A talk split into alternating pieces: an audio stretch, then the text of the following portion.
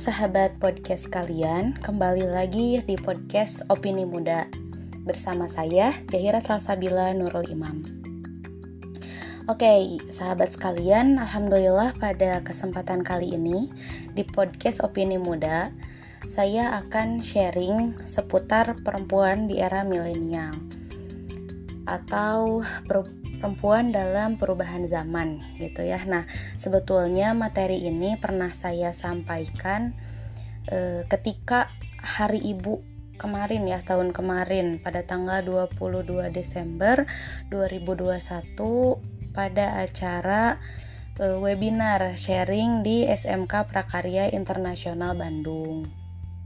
Nah, sahabat podcast kalian, sebelum kita membahas tentang perempuan di era milenial, perempuan dalam perubahan zaman, gitu ya, kita bisa lihat dulu gitu sebagai prolog potret perempuan zaman now gitu ya, dari mana mau ke mana, bagaimana uh, kita melihat perempuan atau bagaimana perempuan ini melihat uh, dirinya sebagai siapa gitu ya dan bagaimana idealnya sosok seorang perempuan gitu. Kita akan membedah cara pandang kita terhadap perempuan.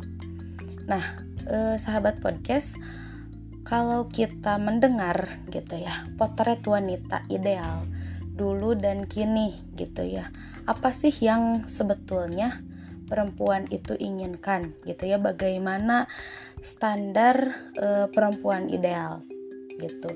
Ada yang mengatakan bahwa standar perempuan ideal itu yang bisa masak enak gitu ya, yang bisa beres-beres rumah, yang bisa mengurus anak dengan baik gitu, terus memiliki jiwa keibuan, ibu rumah tangga yang tidak ke mana-mana, begitulah. Ada sebagian e, golongan yang menganggap perempuan ideal itu seperti itu.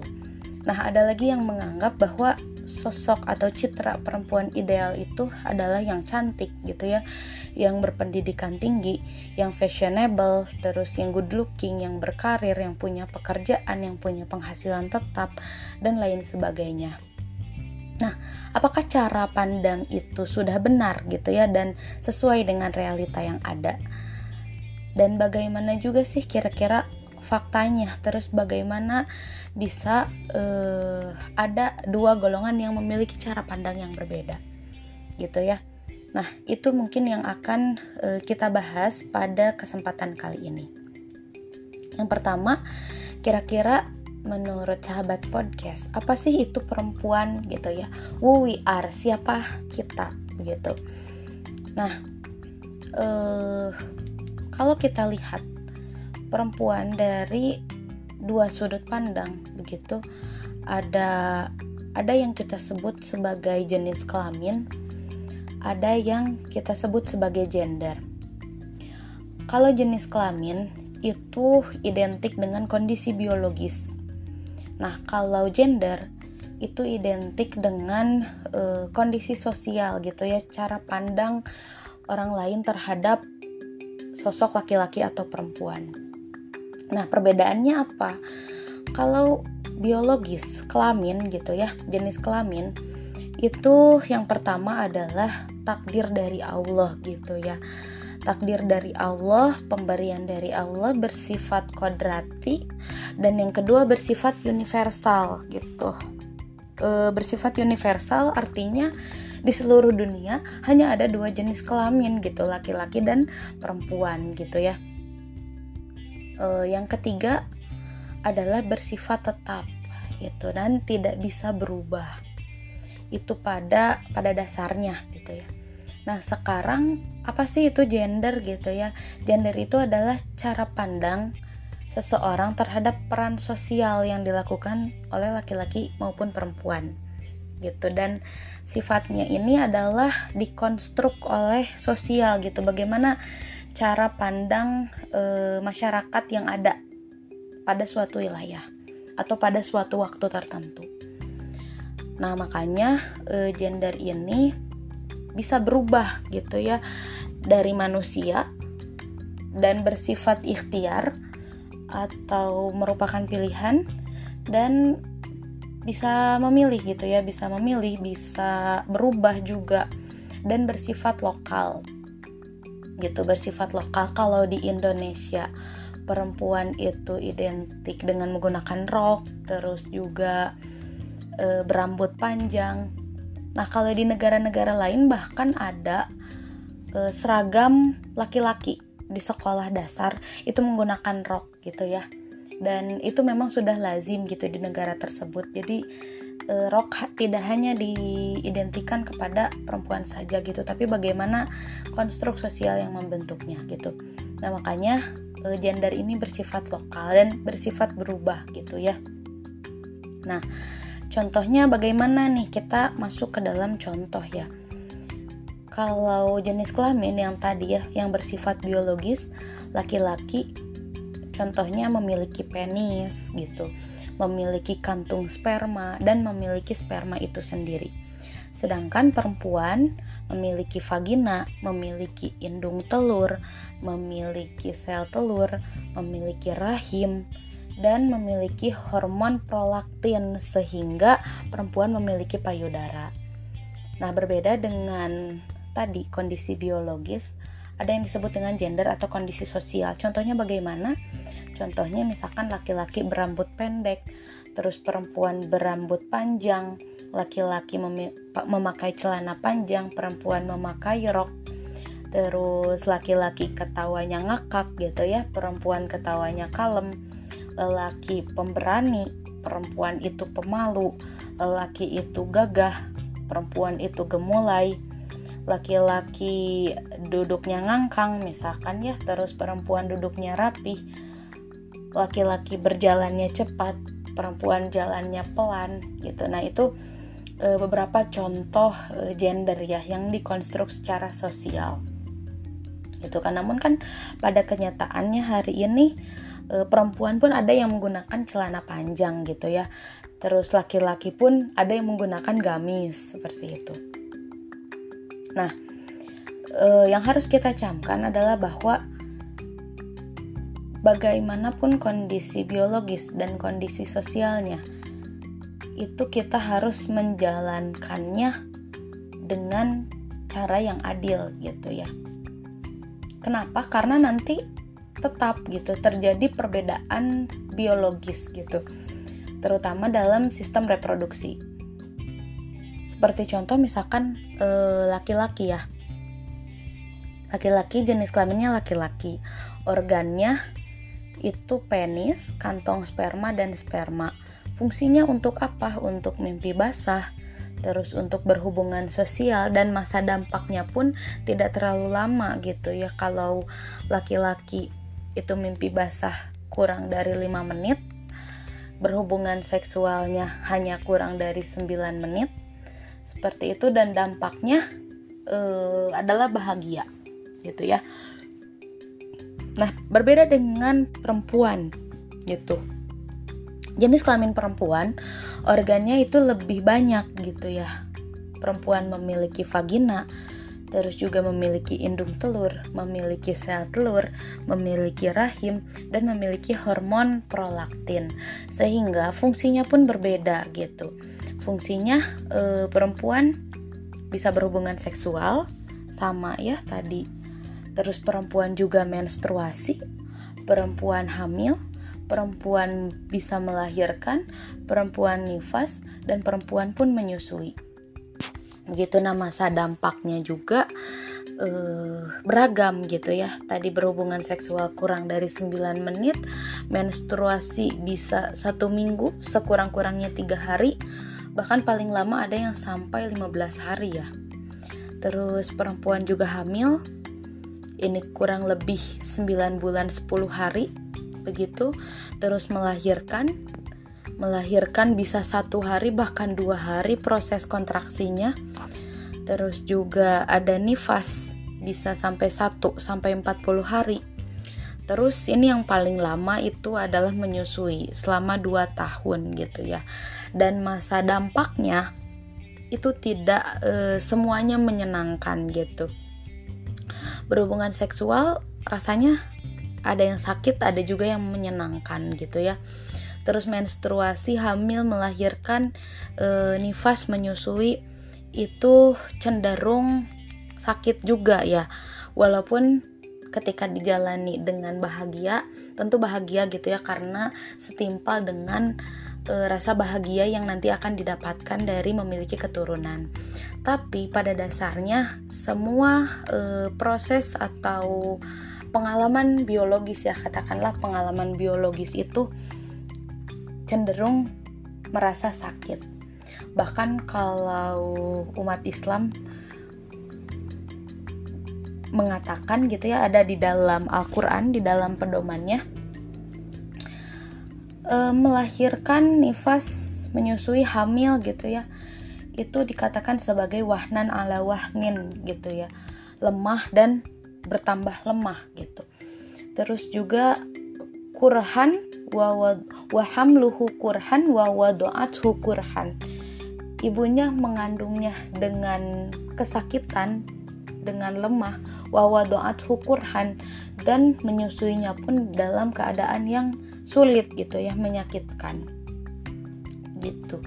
Nah makanya dari e, perbedaan biologis ini gitu ya perbedaan pengalaman biologis tentu nantinya melahirkan e, perbedaan peran antara laki-laki dan perempuan gitu. Walaupun sebetulnya hal tersebut masih bisa dikompromikan gitu ya dan dimusyawarahkan e, dicari jalan tengahnya seperti apa. Nah, tetapi yang jelas dalam menyikapi perbedaan biologis antara laki-laki dan perempuan itu harus e, dengan dengan cara pandang yang bisa memaslahatkan gitu kepada laki-laki dan perempuan dengan mempertimbangkan pengalaman biologis perempuan gitu. Nah, jangan sampai pengalaman biologis yang terasa sakit ini makin bertambah sakit gitu ketika e, ada satu keputusan yang harus diambil gitu ya. Seperti itu. Nah, e, contohnya bagaimana gitu. Contohnya misalkan e, pernikahan dini gitu ya.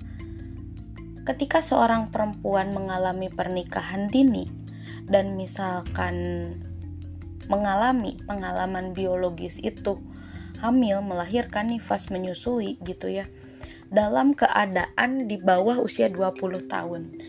Itu pasti akan rentan gitu rentan terjadi eh, sakit gitu ya rasa sakit yang semakin bertambah sakit gitu. Ketika sudah dewasa pun gitu ya kadang perempuan ini merasa kesakitan, apalagi ketika terjadi di bawah usia yang ideal. Begitu, tentu akan berdampak gitu ya, akan e, lebih terasa sakit.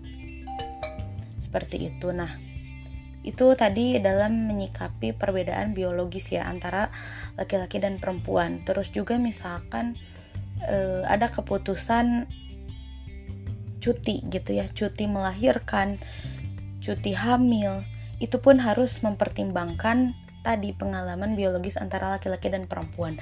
Dan hal ini pun tidak hanya harus dipikirkan oleh perempuan itu sendiri tapi laki-laki pun harus ikut gitu ya memikirkan eh, kemaslahatan dari adanya pengalaman biologis perempuan ini.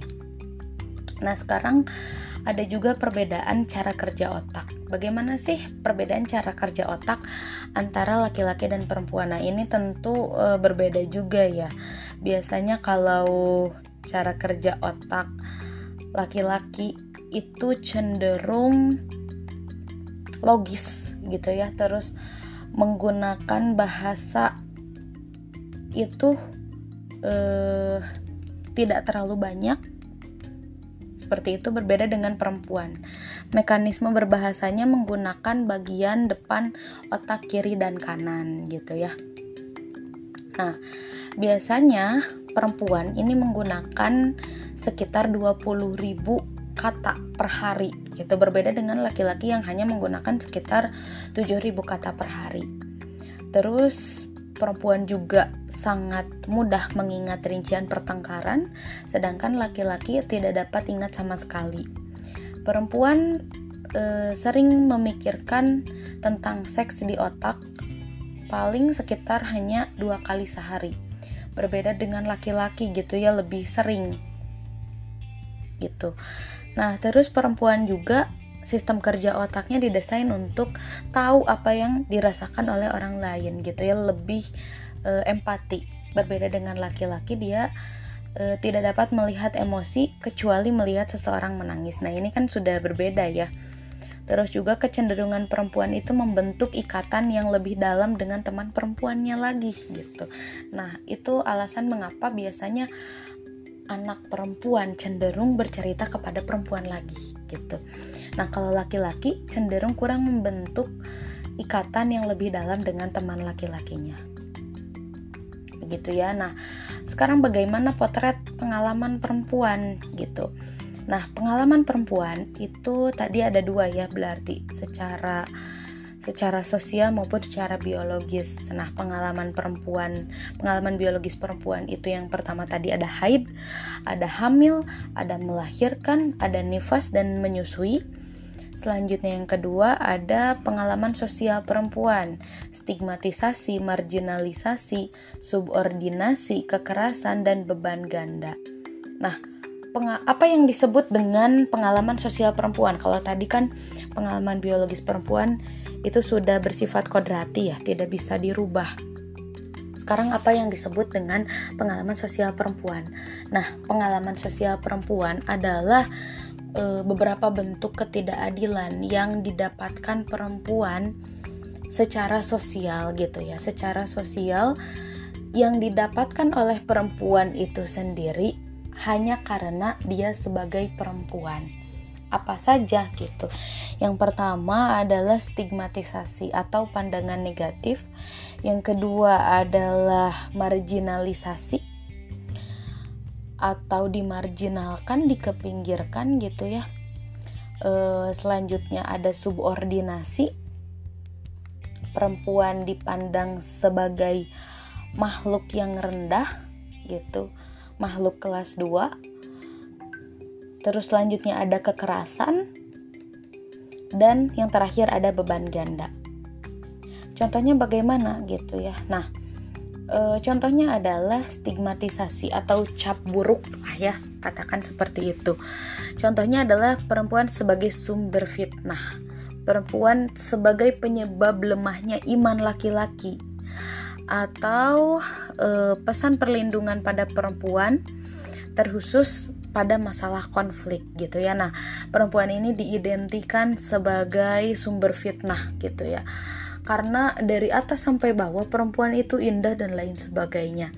Terus juga secara historis perempuan itu Siti Hawa yang menggoda Nabi Adam gitu ya. Nah, ini adalah salah satu stigmatisasi atau cap buruk yang melekat pada masyarakat gitu. Melihat perempuan sebagai uh, salah satu makhluk yang menyebabkan sumber fitnah gitu ya. Nah, padahal kan tidak seperti itu. Secara historis, Nabi Adam dan Siti Hawa mereka dua-duanya dikatakan oleh Allah sebagai makhluk yang bersalah dalam konteks memakan buah huldi gitu bahkan kesalahannya pun tidak hanya dilimpahkan kepada Siti Hawa saja tapi kepada keduanya gitu ya kalau kita lihat di dalam Al-Qur'an dua-duanya disebutkan gitu ya menggunakan domir huma begitu. Uh, perempuan misalkan ketika keluar malam-malam itu identik dengan fitnah gitu ya. Wah habis dari mana nih gitu perempuan keluar malam-malam. Padahal kan e, tidak seperti itu gitu ya. Ketika kita melihat di lapangan perempuan pun bisa berada pada ruang-ruang publik tetap dalam koridor kebaikan gitu yang kedua, contohnya marginalisasi ya. Contohnya adalah pemaksaan nikah pada anak gitu. Pemaksaan nikah pada anak perempuan yang masih di bawah umur gitu. Nah, pernikahan anak ini kadang diidentikan dengan proses yang dilakukan oleh orang tua kepada anak yang menikahkan anaknya secara paksa gitu ya atau disebut dengan ikroh gitu menikahkan anak perempuannya secara paksa untuk mendapatkan uh, keuntungannya sendiri gitu ya. Nah, ada lagi orang tua yang menikahkan anaknya yang masih di bawah umur agar anaknya itu taraf kehidupannya lebih baik atau disebut dengan ijbar gitu ya. Nah, pada akhirnya dua proses ini uh, itu sama-sama idealnya tidak boleh dilakukan kepada anak perempuan yang masih di bawah umur. Kenapa? Karena proses pernikahan itu bukan proses yang instan gitu ya. Yang menjalaninya pun kan anaknya gitu, bukan orang tuanya. Memerlukan proses pemikiran yang panjang gitu. Harus ada kesepakatan gitu antara laki-laki dan perempuan. Seperti itu. Nah, ini contoh marginalisasi yang terjadi di masyarakat. Selanjutnya ada lagi subordinasi, bahwa perempuan dipandang sebagai makhluk makhluk rendah, lebih rendah dari dari laki-laki. Bahkan perempuan itu dipandang sebagai makhluk kelas 2. Perempuan hanya dijadikan sebagai objek seksual semata. Nah, ini ya yang yang harus uh, kita luruskan gitu ya. Ada satu golongan gitu yang kemarin-kemarin sempat viral juga bahwa kamu harus punya anak yang banyak gitu ya harus punya keturunan yang banyak gitu nah anak memiliki anak itu merupakan salah satu fitrah pada dasarnya fitrah seseorang e, menginginkan keturunan gitu ya untuk melanjutkan kelestarian melanjutkan cita-cita dari orang tuanya tetapi harus diingat juga gitu tadi pengalaman biologis perempuan itu tidak semudah yang dibayangkan gitu ya. Kembali lagi kepada kesanggupan dan kemampuan perempuan itu sendiri gitu. Bagaimana e, pertimbangannya ketika memiliki keturunan gitu. Bahkan kan uh, memang dalam Islam gitu ya dianjurkan untuk memiliki banyak keturunan. Tapi Islam tidak berhenti sampai uh, di situ saja gitu ya. Perintah Allah Subhanahu wa taala juga dilanjutkan dengan tidak boleh meninggalkan generasi yang lemah gitu ya. Waliyashalazina law tarakum min khafihim zuriyatan di'afan. Takutlah kamu ketika meninggalkan generasi yang lemah gitu. Nah, jadi sebetulnya perempuan itu tidak hanya e, dipandang sebagai mesin fotokopi saja gitu ya. Sebagai objek seksual, sebagai alat reproduksi saja tidak seperti itu, tapi memiliki keturunan bukan hanya e, tugas dari perempuan itu sendiri saja, tapi juga adalah tugas laki-laki. Gitu ya. Hamil melahirkan nifas dan menyusui itu pun satu proses yang harus dibersamai oleh suaminya gitu, oleh laki-laki. Bukan hanya e, beban yang harus ditanggung oleh perempuan sendiri. Seperti itu ya. Nah, selanjutnya ada juga kekerasan nih. Nah, ini yang menarik ya. Karena kemarin-kemarin kita di Indonesia diramaikan dengan e, kekerasan seksual yang terjadi pada perempuan.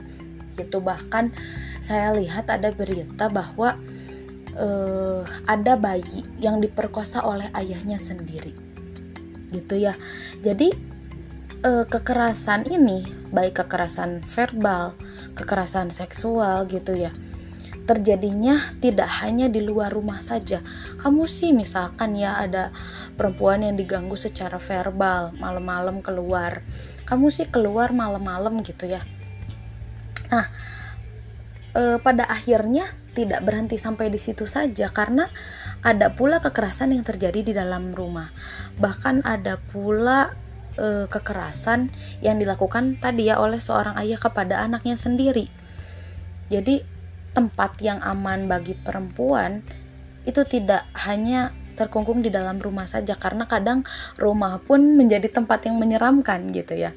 Bisa saja terjadi kekerasan verbal, kekerasan fisik, kekerasan psikis, kekerasan intelektual, bahkan kekerasan finansial, kekerasan seksual, kekerasan spiritual hanya karena dia menjadi seorang perempuan gitu ya.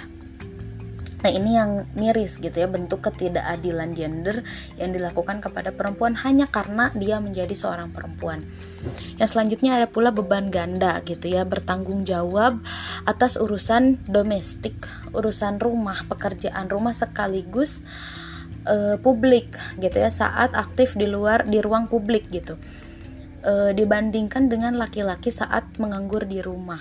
Nah, ini juga menarik uh, karena ada pula bentuk ketidakadilan gender kepada perempuan hanya karena dia menjadi perempuan. Dia bekerja gitu ya di luar rumah dan ketika kembali ke rumah dia pun harus mengerjakan pekerjaan rumah yang seaber gitu ya. Nah, itu salah satu bentuk ketidakadilan gender. Nah, solusinya bagaimana? Solusinya adalah laki-laki dan perempuan harus dipandang sebagai uh, subjek utama dari kehidupan gitu ya. Dua-duanya adalah subjek, maka dua-duanya harus saling bantu, saling tolong menolong demi kemaslahatan um, umat manusia, baik laki-laki maupun perempuan. Karena apa?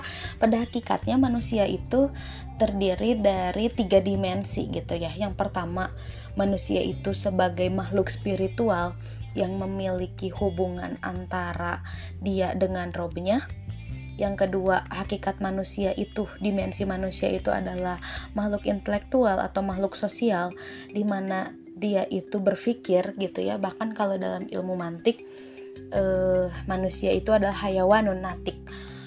Manusia itu adalah binatang yang berbicara. Manusia itu adalah binatang yang e, berpikir gitu. Ada proses intelektual, ada proses sosial yang dilakukan oleh manusia berhubungan dengan satu sama lain. Yang terakhir adalah perempuan dan laki-laki. Manusia itu adalah makhluk biologis atau makhluk fisik yang nampak gitu ya. Tubuhnya besar kecil tinggi pendek.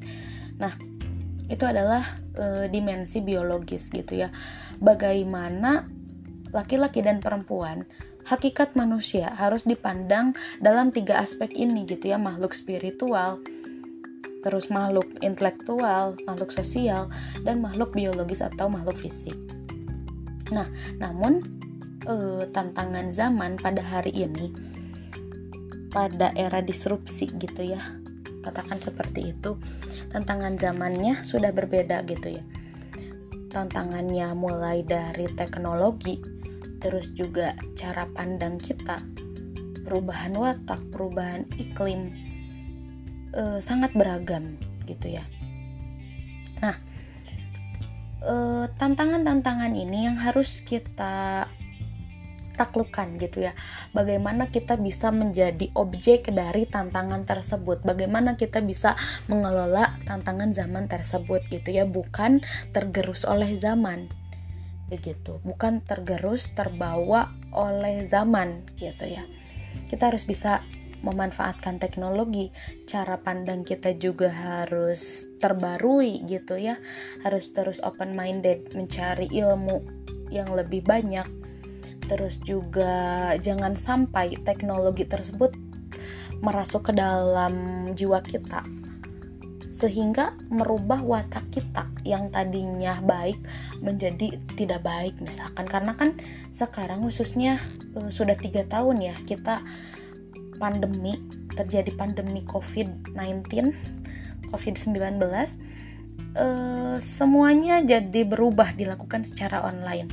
Nah sehingga ada yang berubah gitu ya terjadi perubahan watak seperti itu. Nah, jangan sampai kita tergerus oleh zaman sehingga kita menjadi objek gitu ya, bukan menjadi subjek.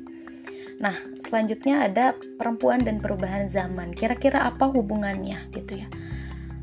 Karena zaman terus selalu berubah, perempuan pun kemudian akan dihadapkan pada kondisi-kondisi yang e, kompleks gitu ya. Di satu sisi dia itu memiliki peran biologisnya, di satu sisi juga tantangan zaman mengharuskan perempuan itu bisa lebih maju. Nah, kemarin saya sempat sharing gitu ya dengan teman saya.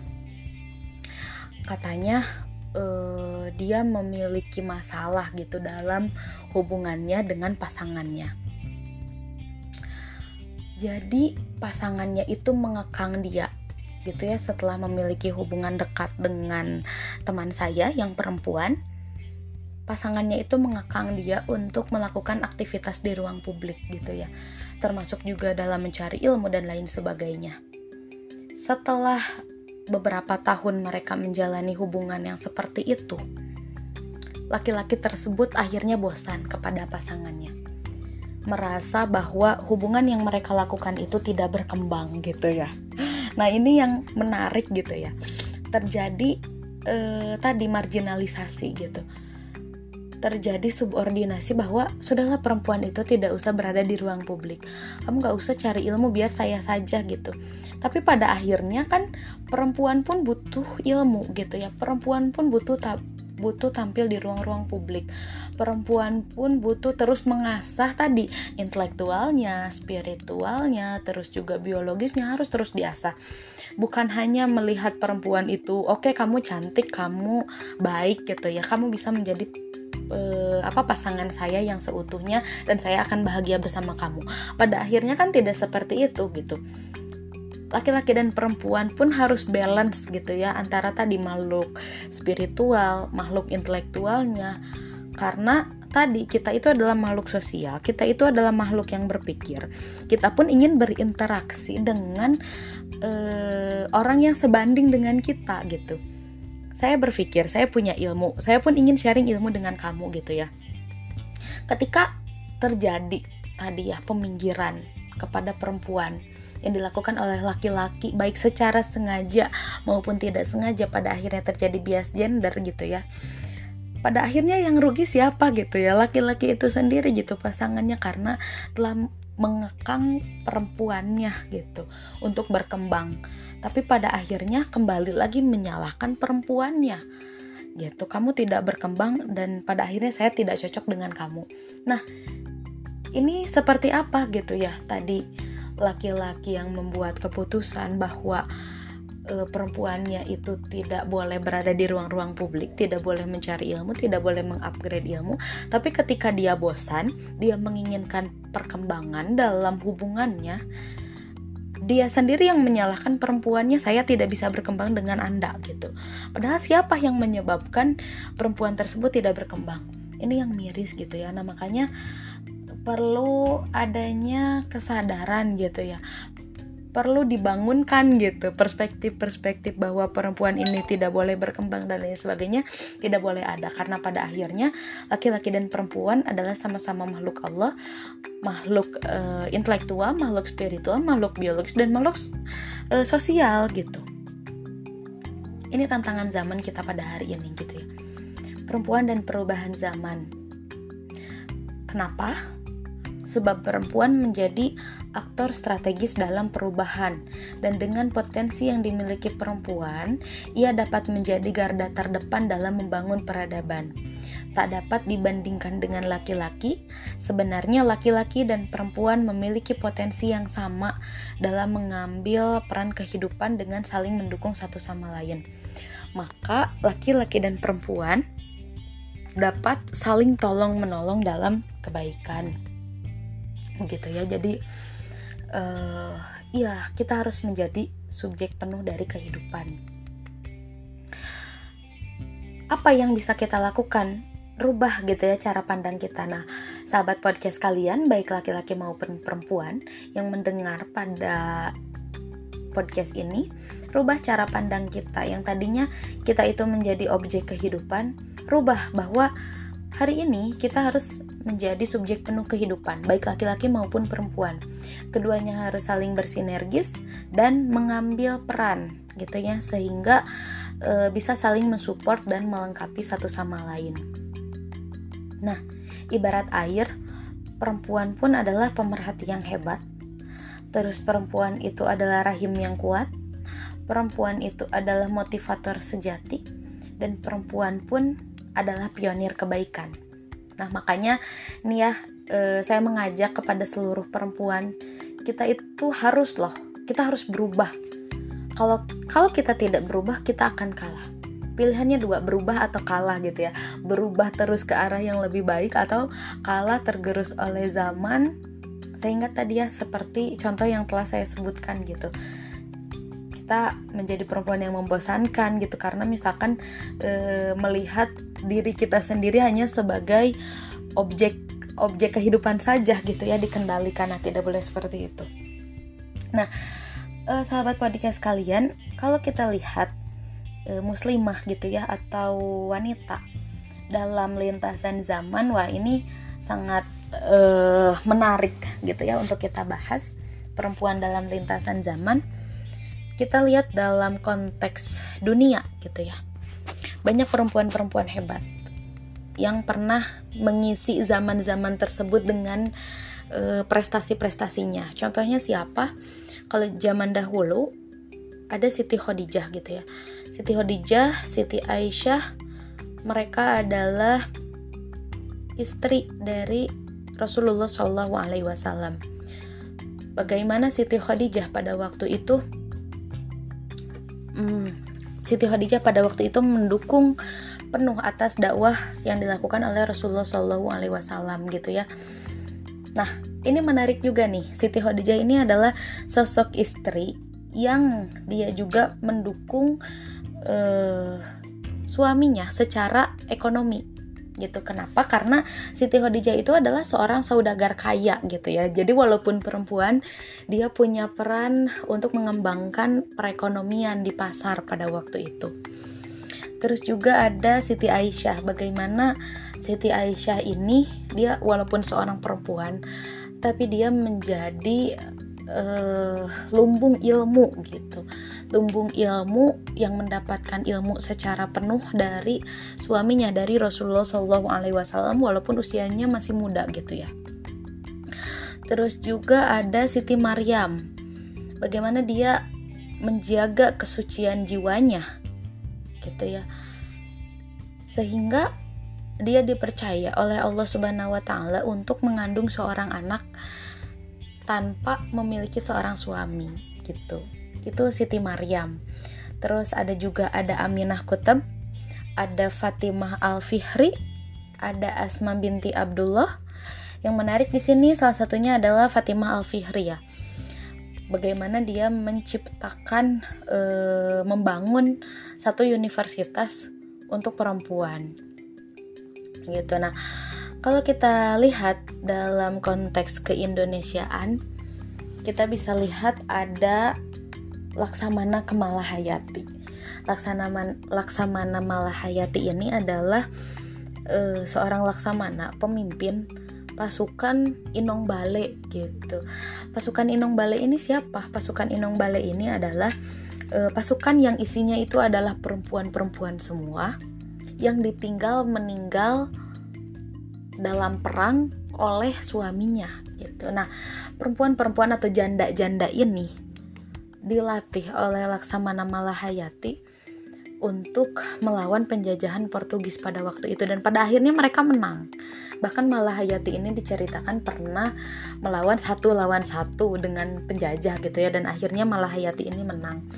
Bahkan Laksamana Malahayati ini merupakan uh, perempuan pertama di dunia yang memiliki armada pasukan laut gitu ya yang isinya perempuan semua. Nah ini menarik gitu ya. Jadi perempuan pun ternyata punya kekuatan yang luar biasa seperti itu. Terus juga ada Rahmah El Yunusiah yang menciptakan Jamiatul Banat di Padang Panjang. Dia menciptakan sekolah perempuan yang pada akhirnya eh, sekolah perempuan yang diciptakan di Padang Panjang Indonesia itu menginspirasi uh, Universitas Al Azhar Kairo Mesir untuk menciptakan Jamiatul Banat untuk perempuan gitu. Terus juga yang menarik di sini di Indonesia ada Rohana Kudus. Bagaimana Rohana Kudus ini menjadi wartawan perempuan gitu ya dalam menyuarakan kebaikan-kebaikan. Dalam menyuarakan kebenaran, dalam menyuarakan keadilan dan seterusnya.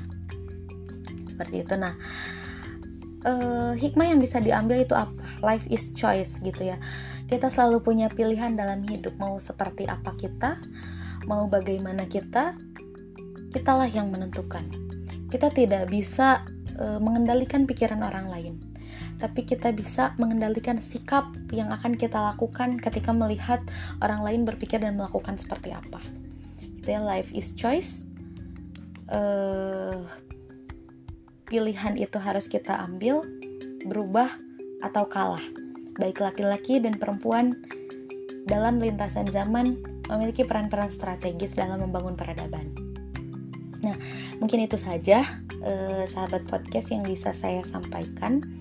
Semoga bisa menginspirasi semua pendengar agar kita lebih semangat lagi untuk berbuat lebih, mengambil peran berkontribusi untuk menaklukkan dunia gitu ya. Kita harus berpikir besar, tapi lakukanlah sesuatu dari hal yang terkecil, mulai dari sekarang dan mulai dari kita dari diri kita sendiri. Sekian yang dapat saya sampaikan e, nantikan episode-episode podcast Opini Muda selanjutnya. Saya Jahira Salsabila Nurul Imam. Saya istri dari Rifki Azhar Nugraha. Mohon undur pamit. E, semoga kita bisa bertemu di lain kesempatan. Wassalamualaikum warahmatullahi wabarakatuh. Perempuan dalam perubahan zaman, perempuan harus berubah, perempuan berubah atau kalah.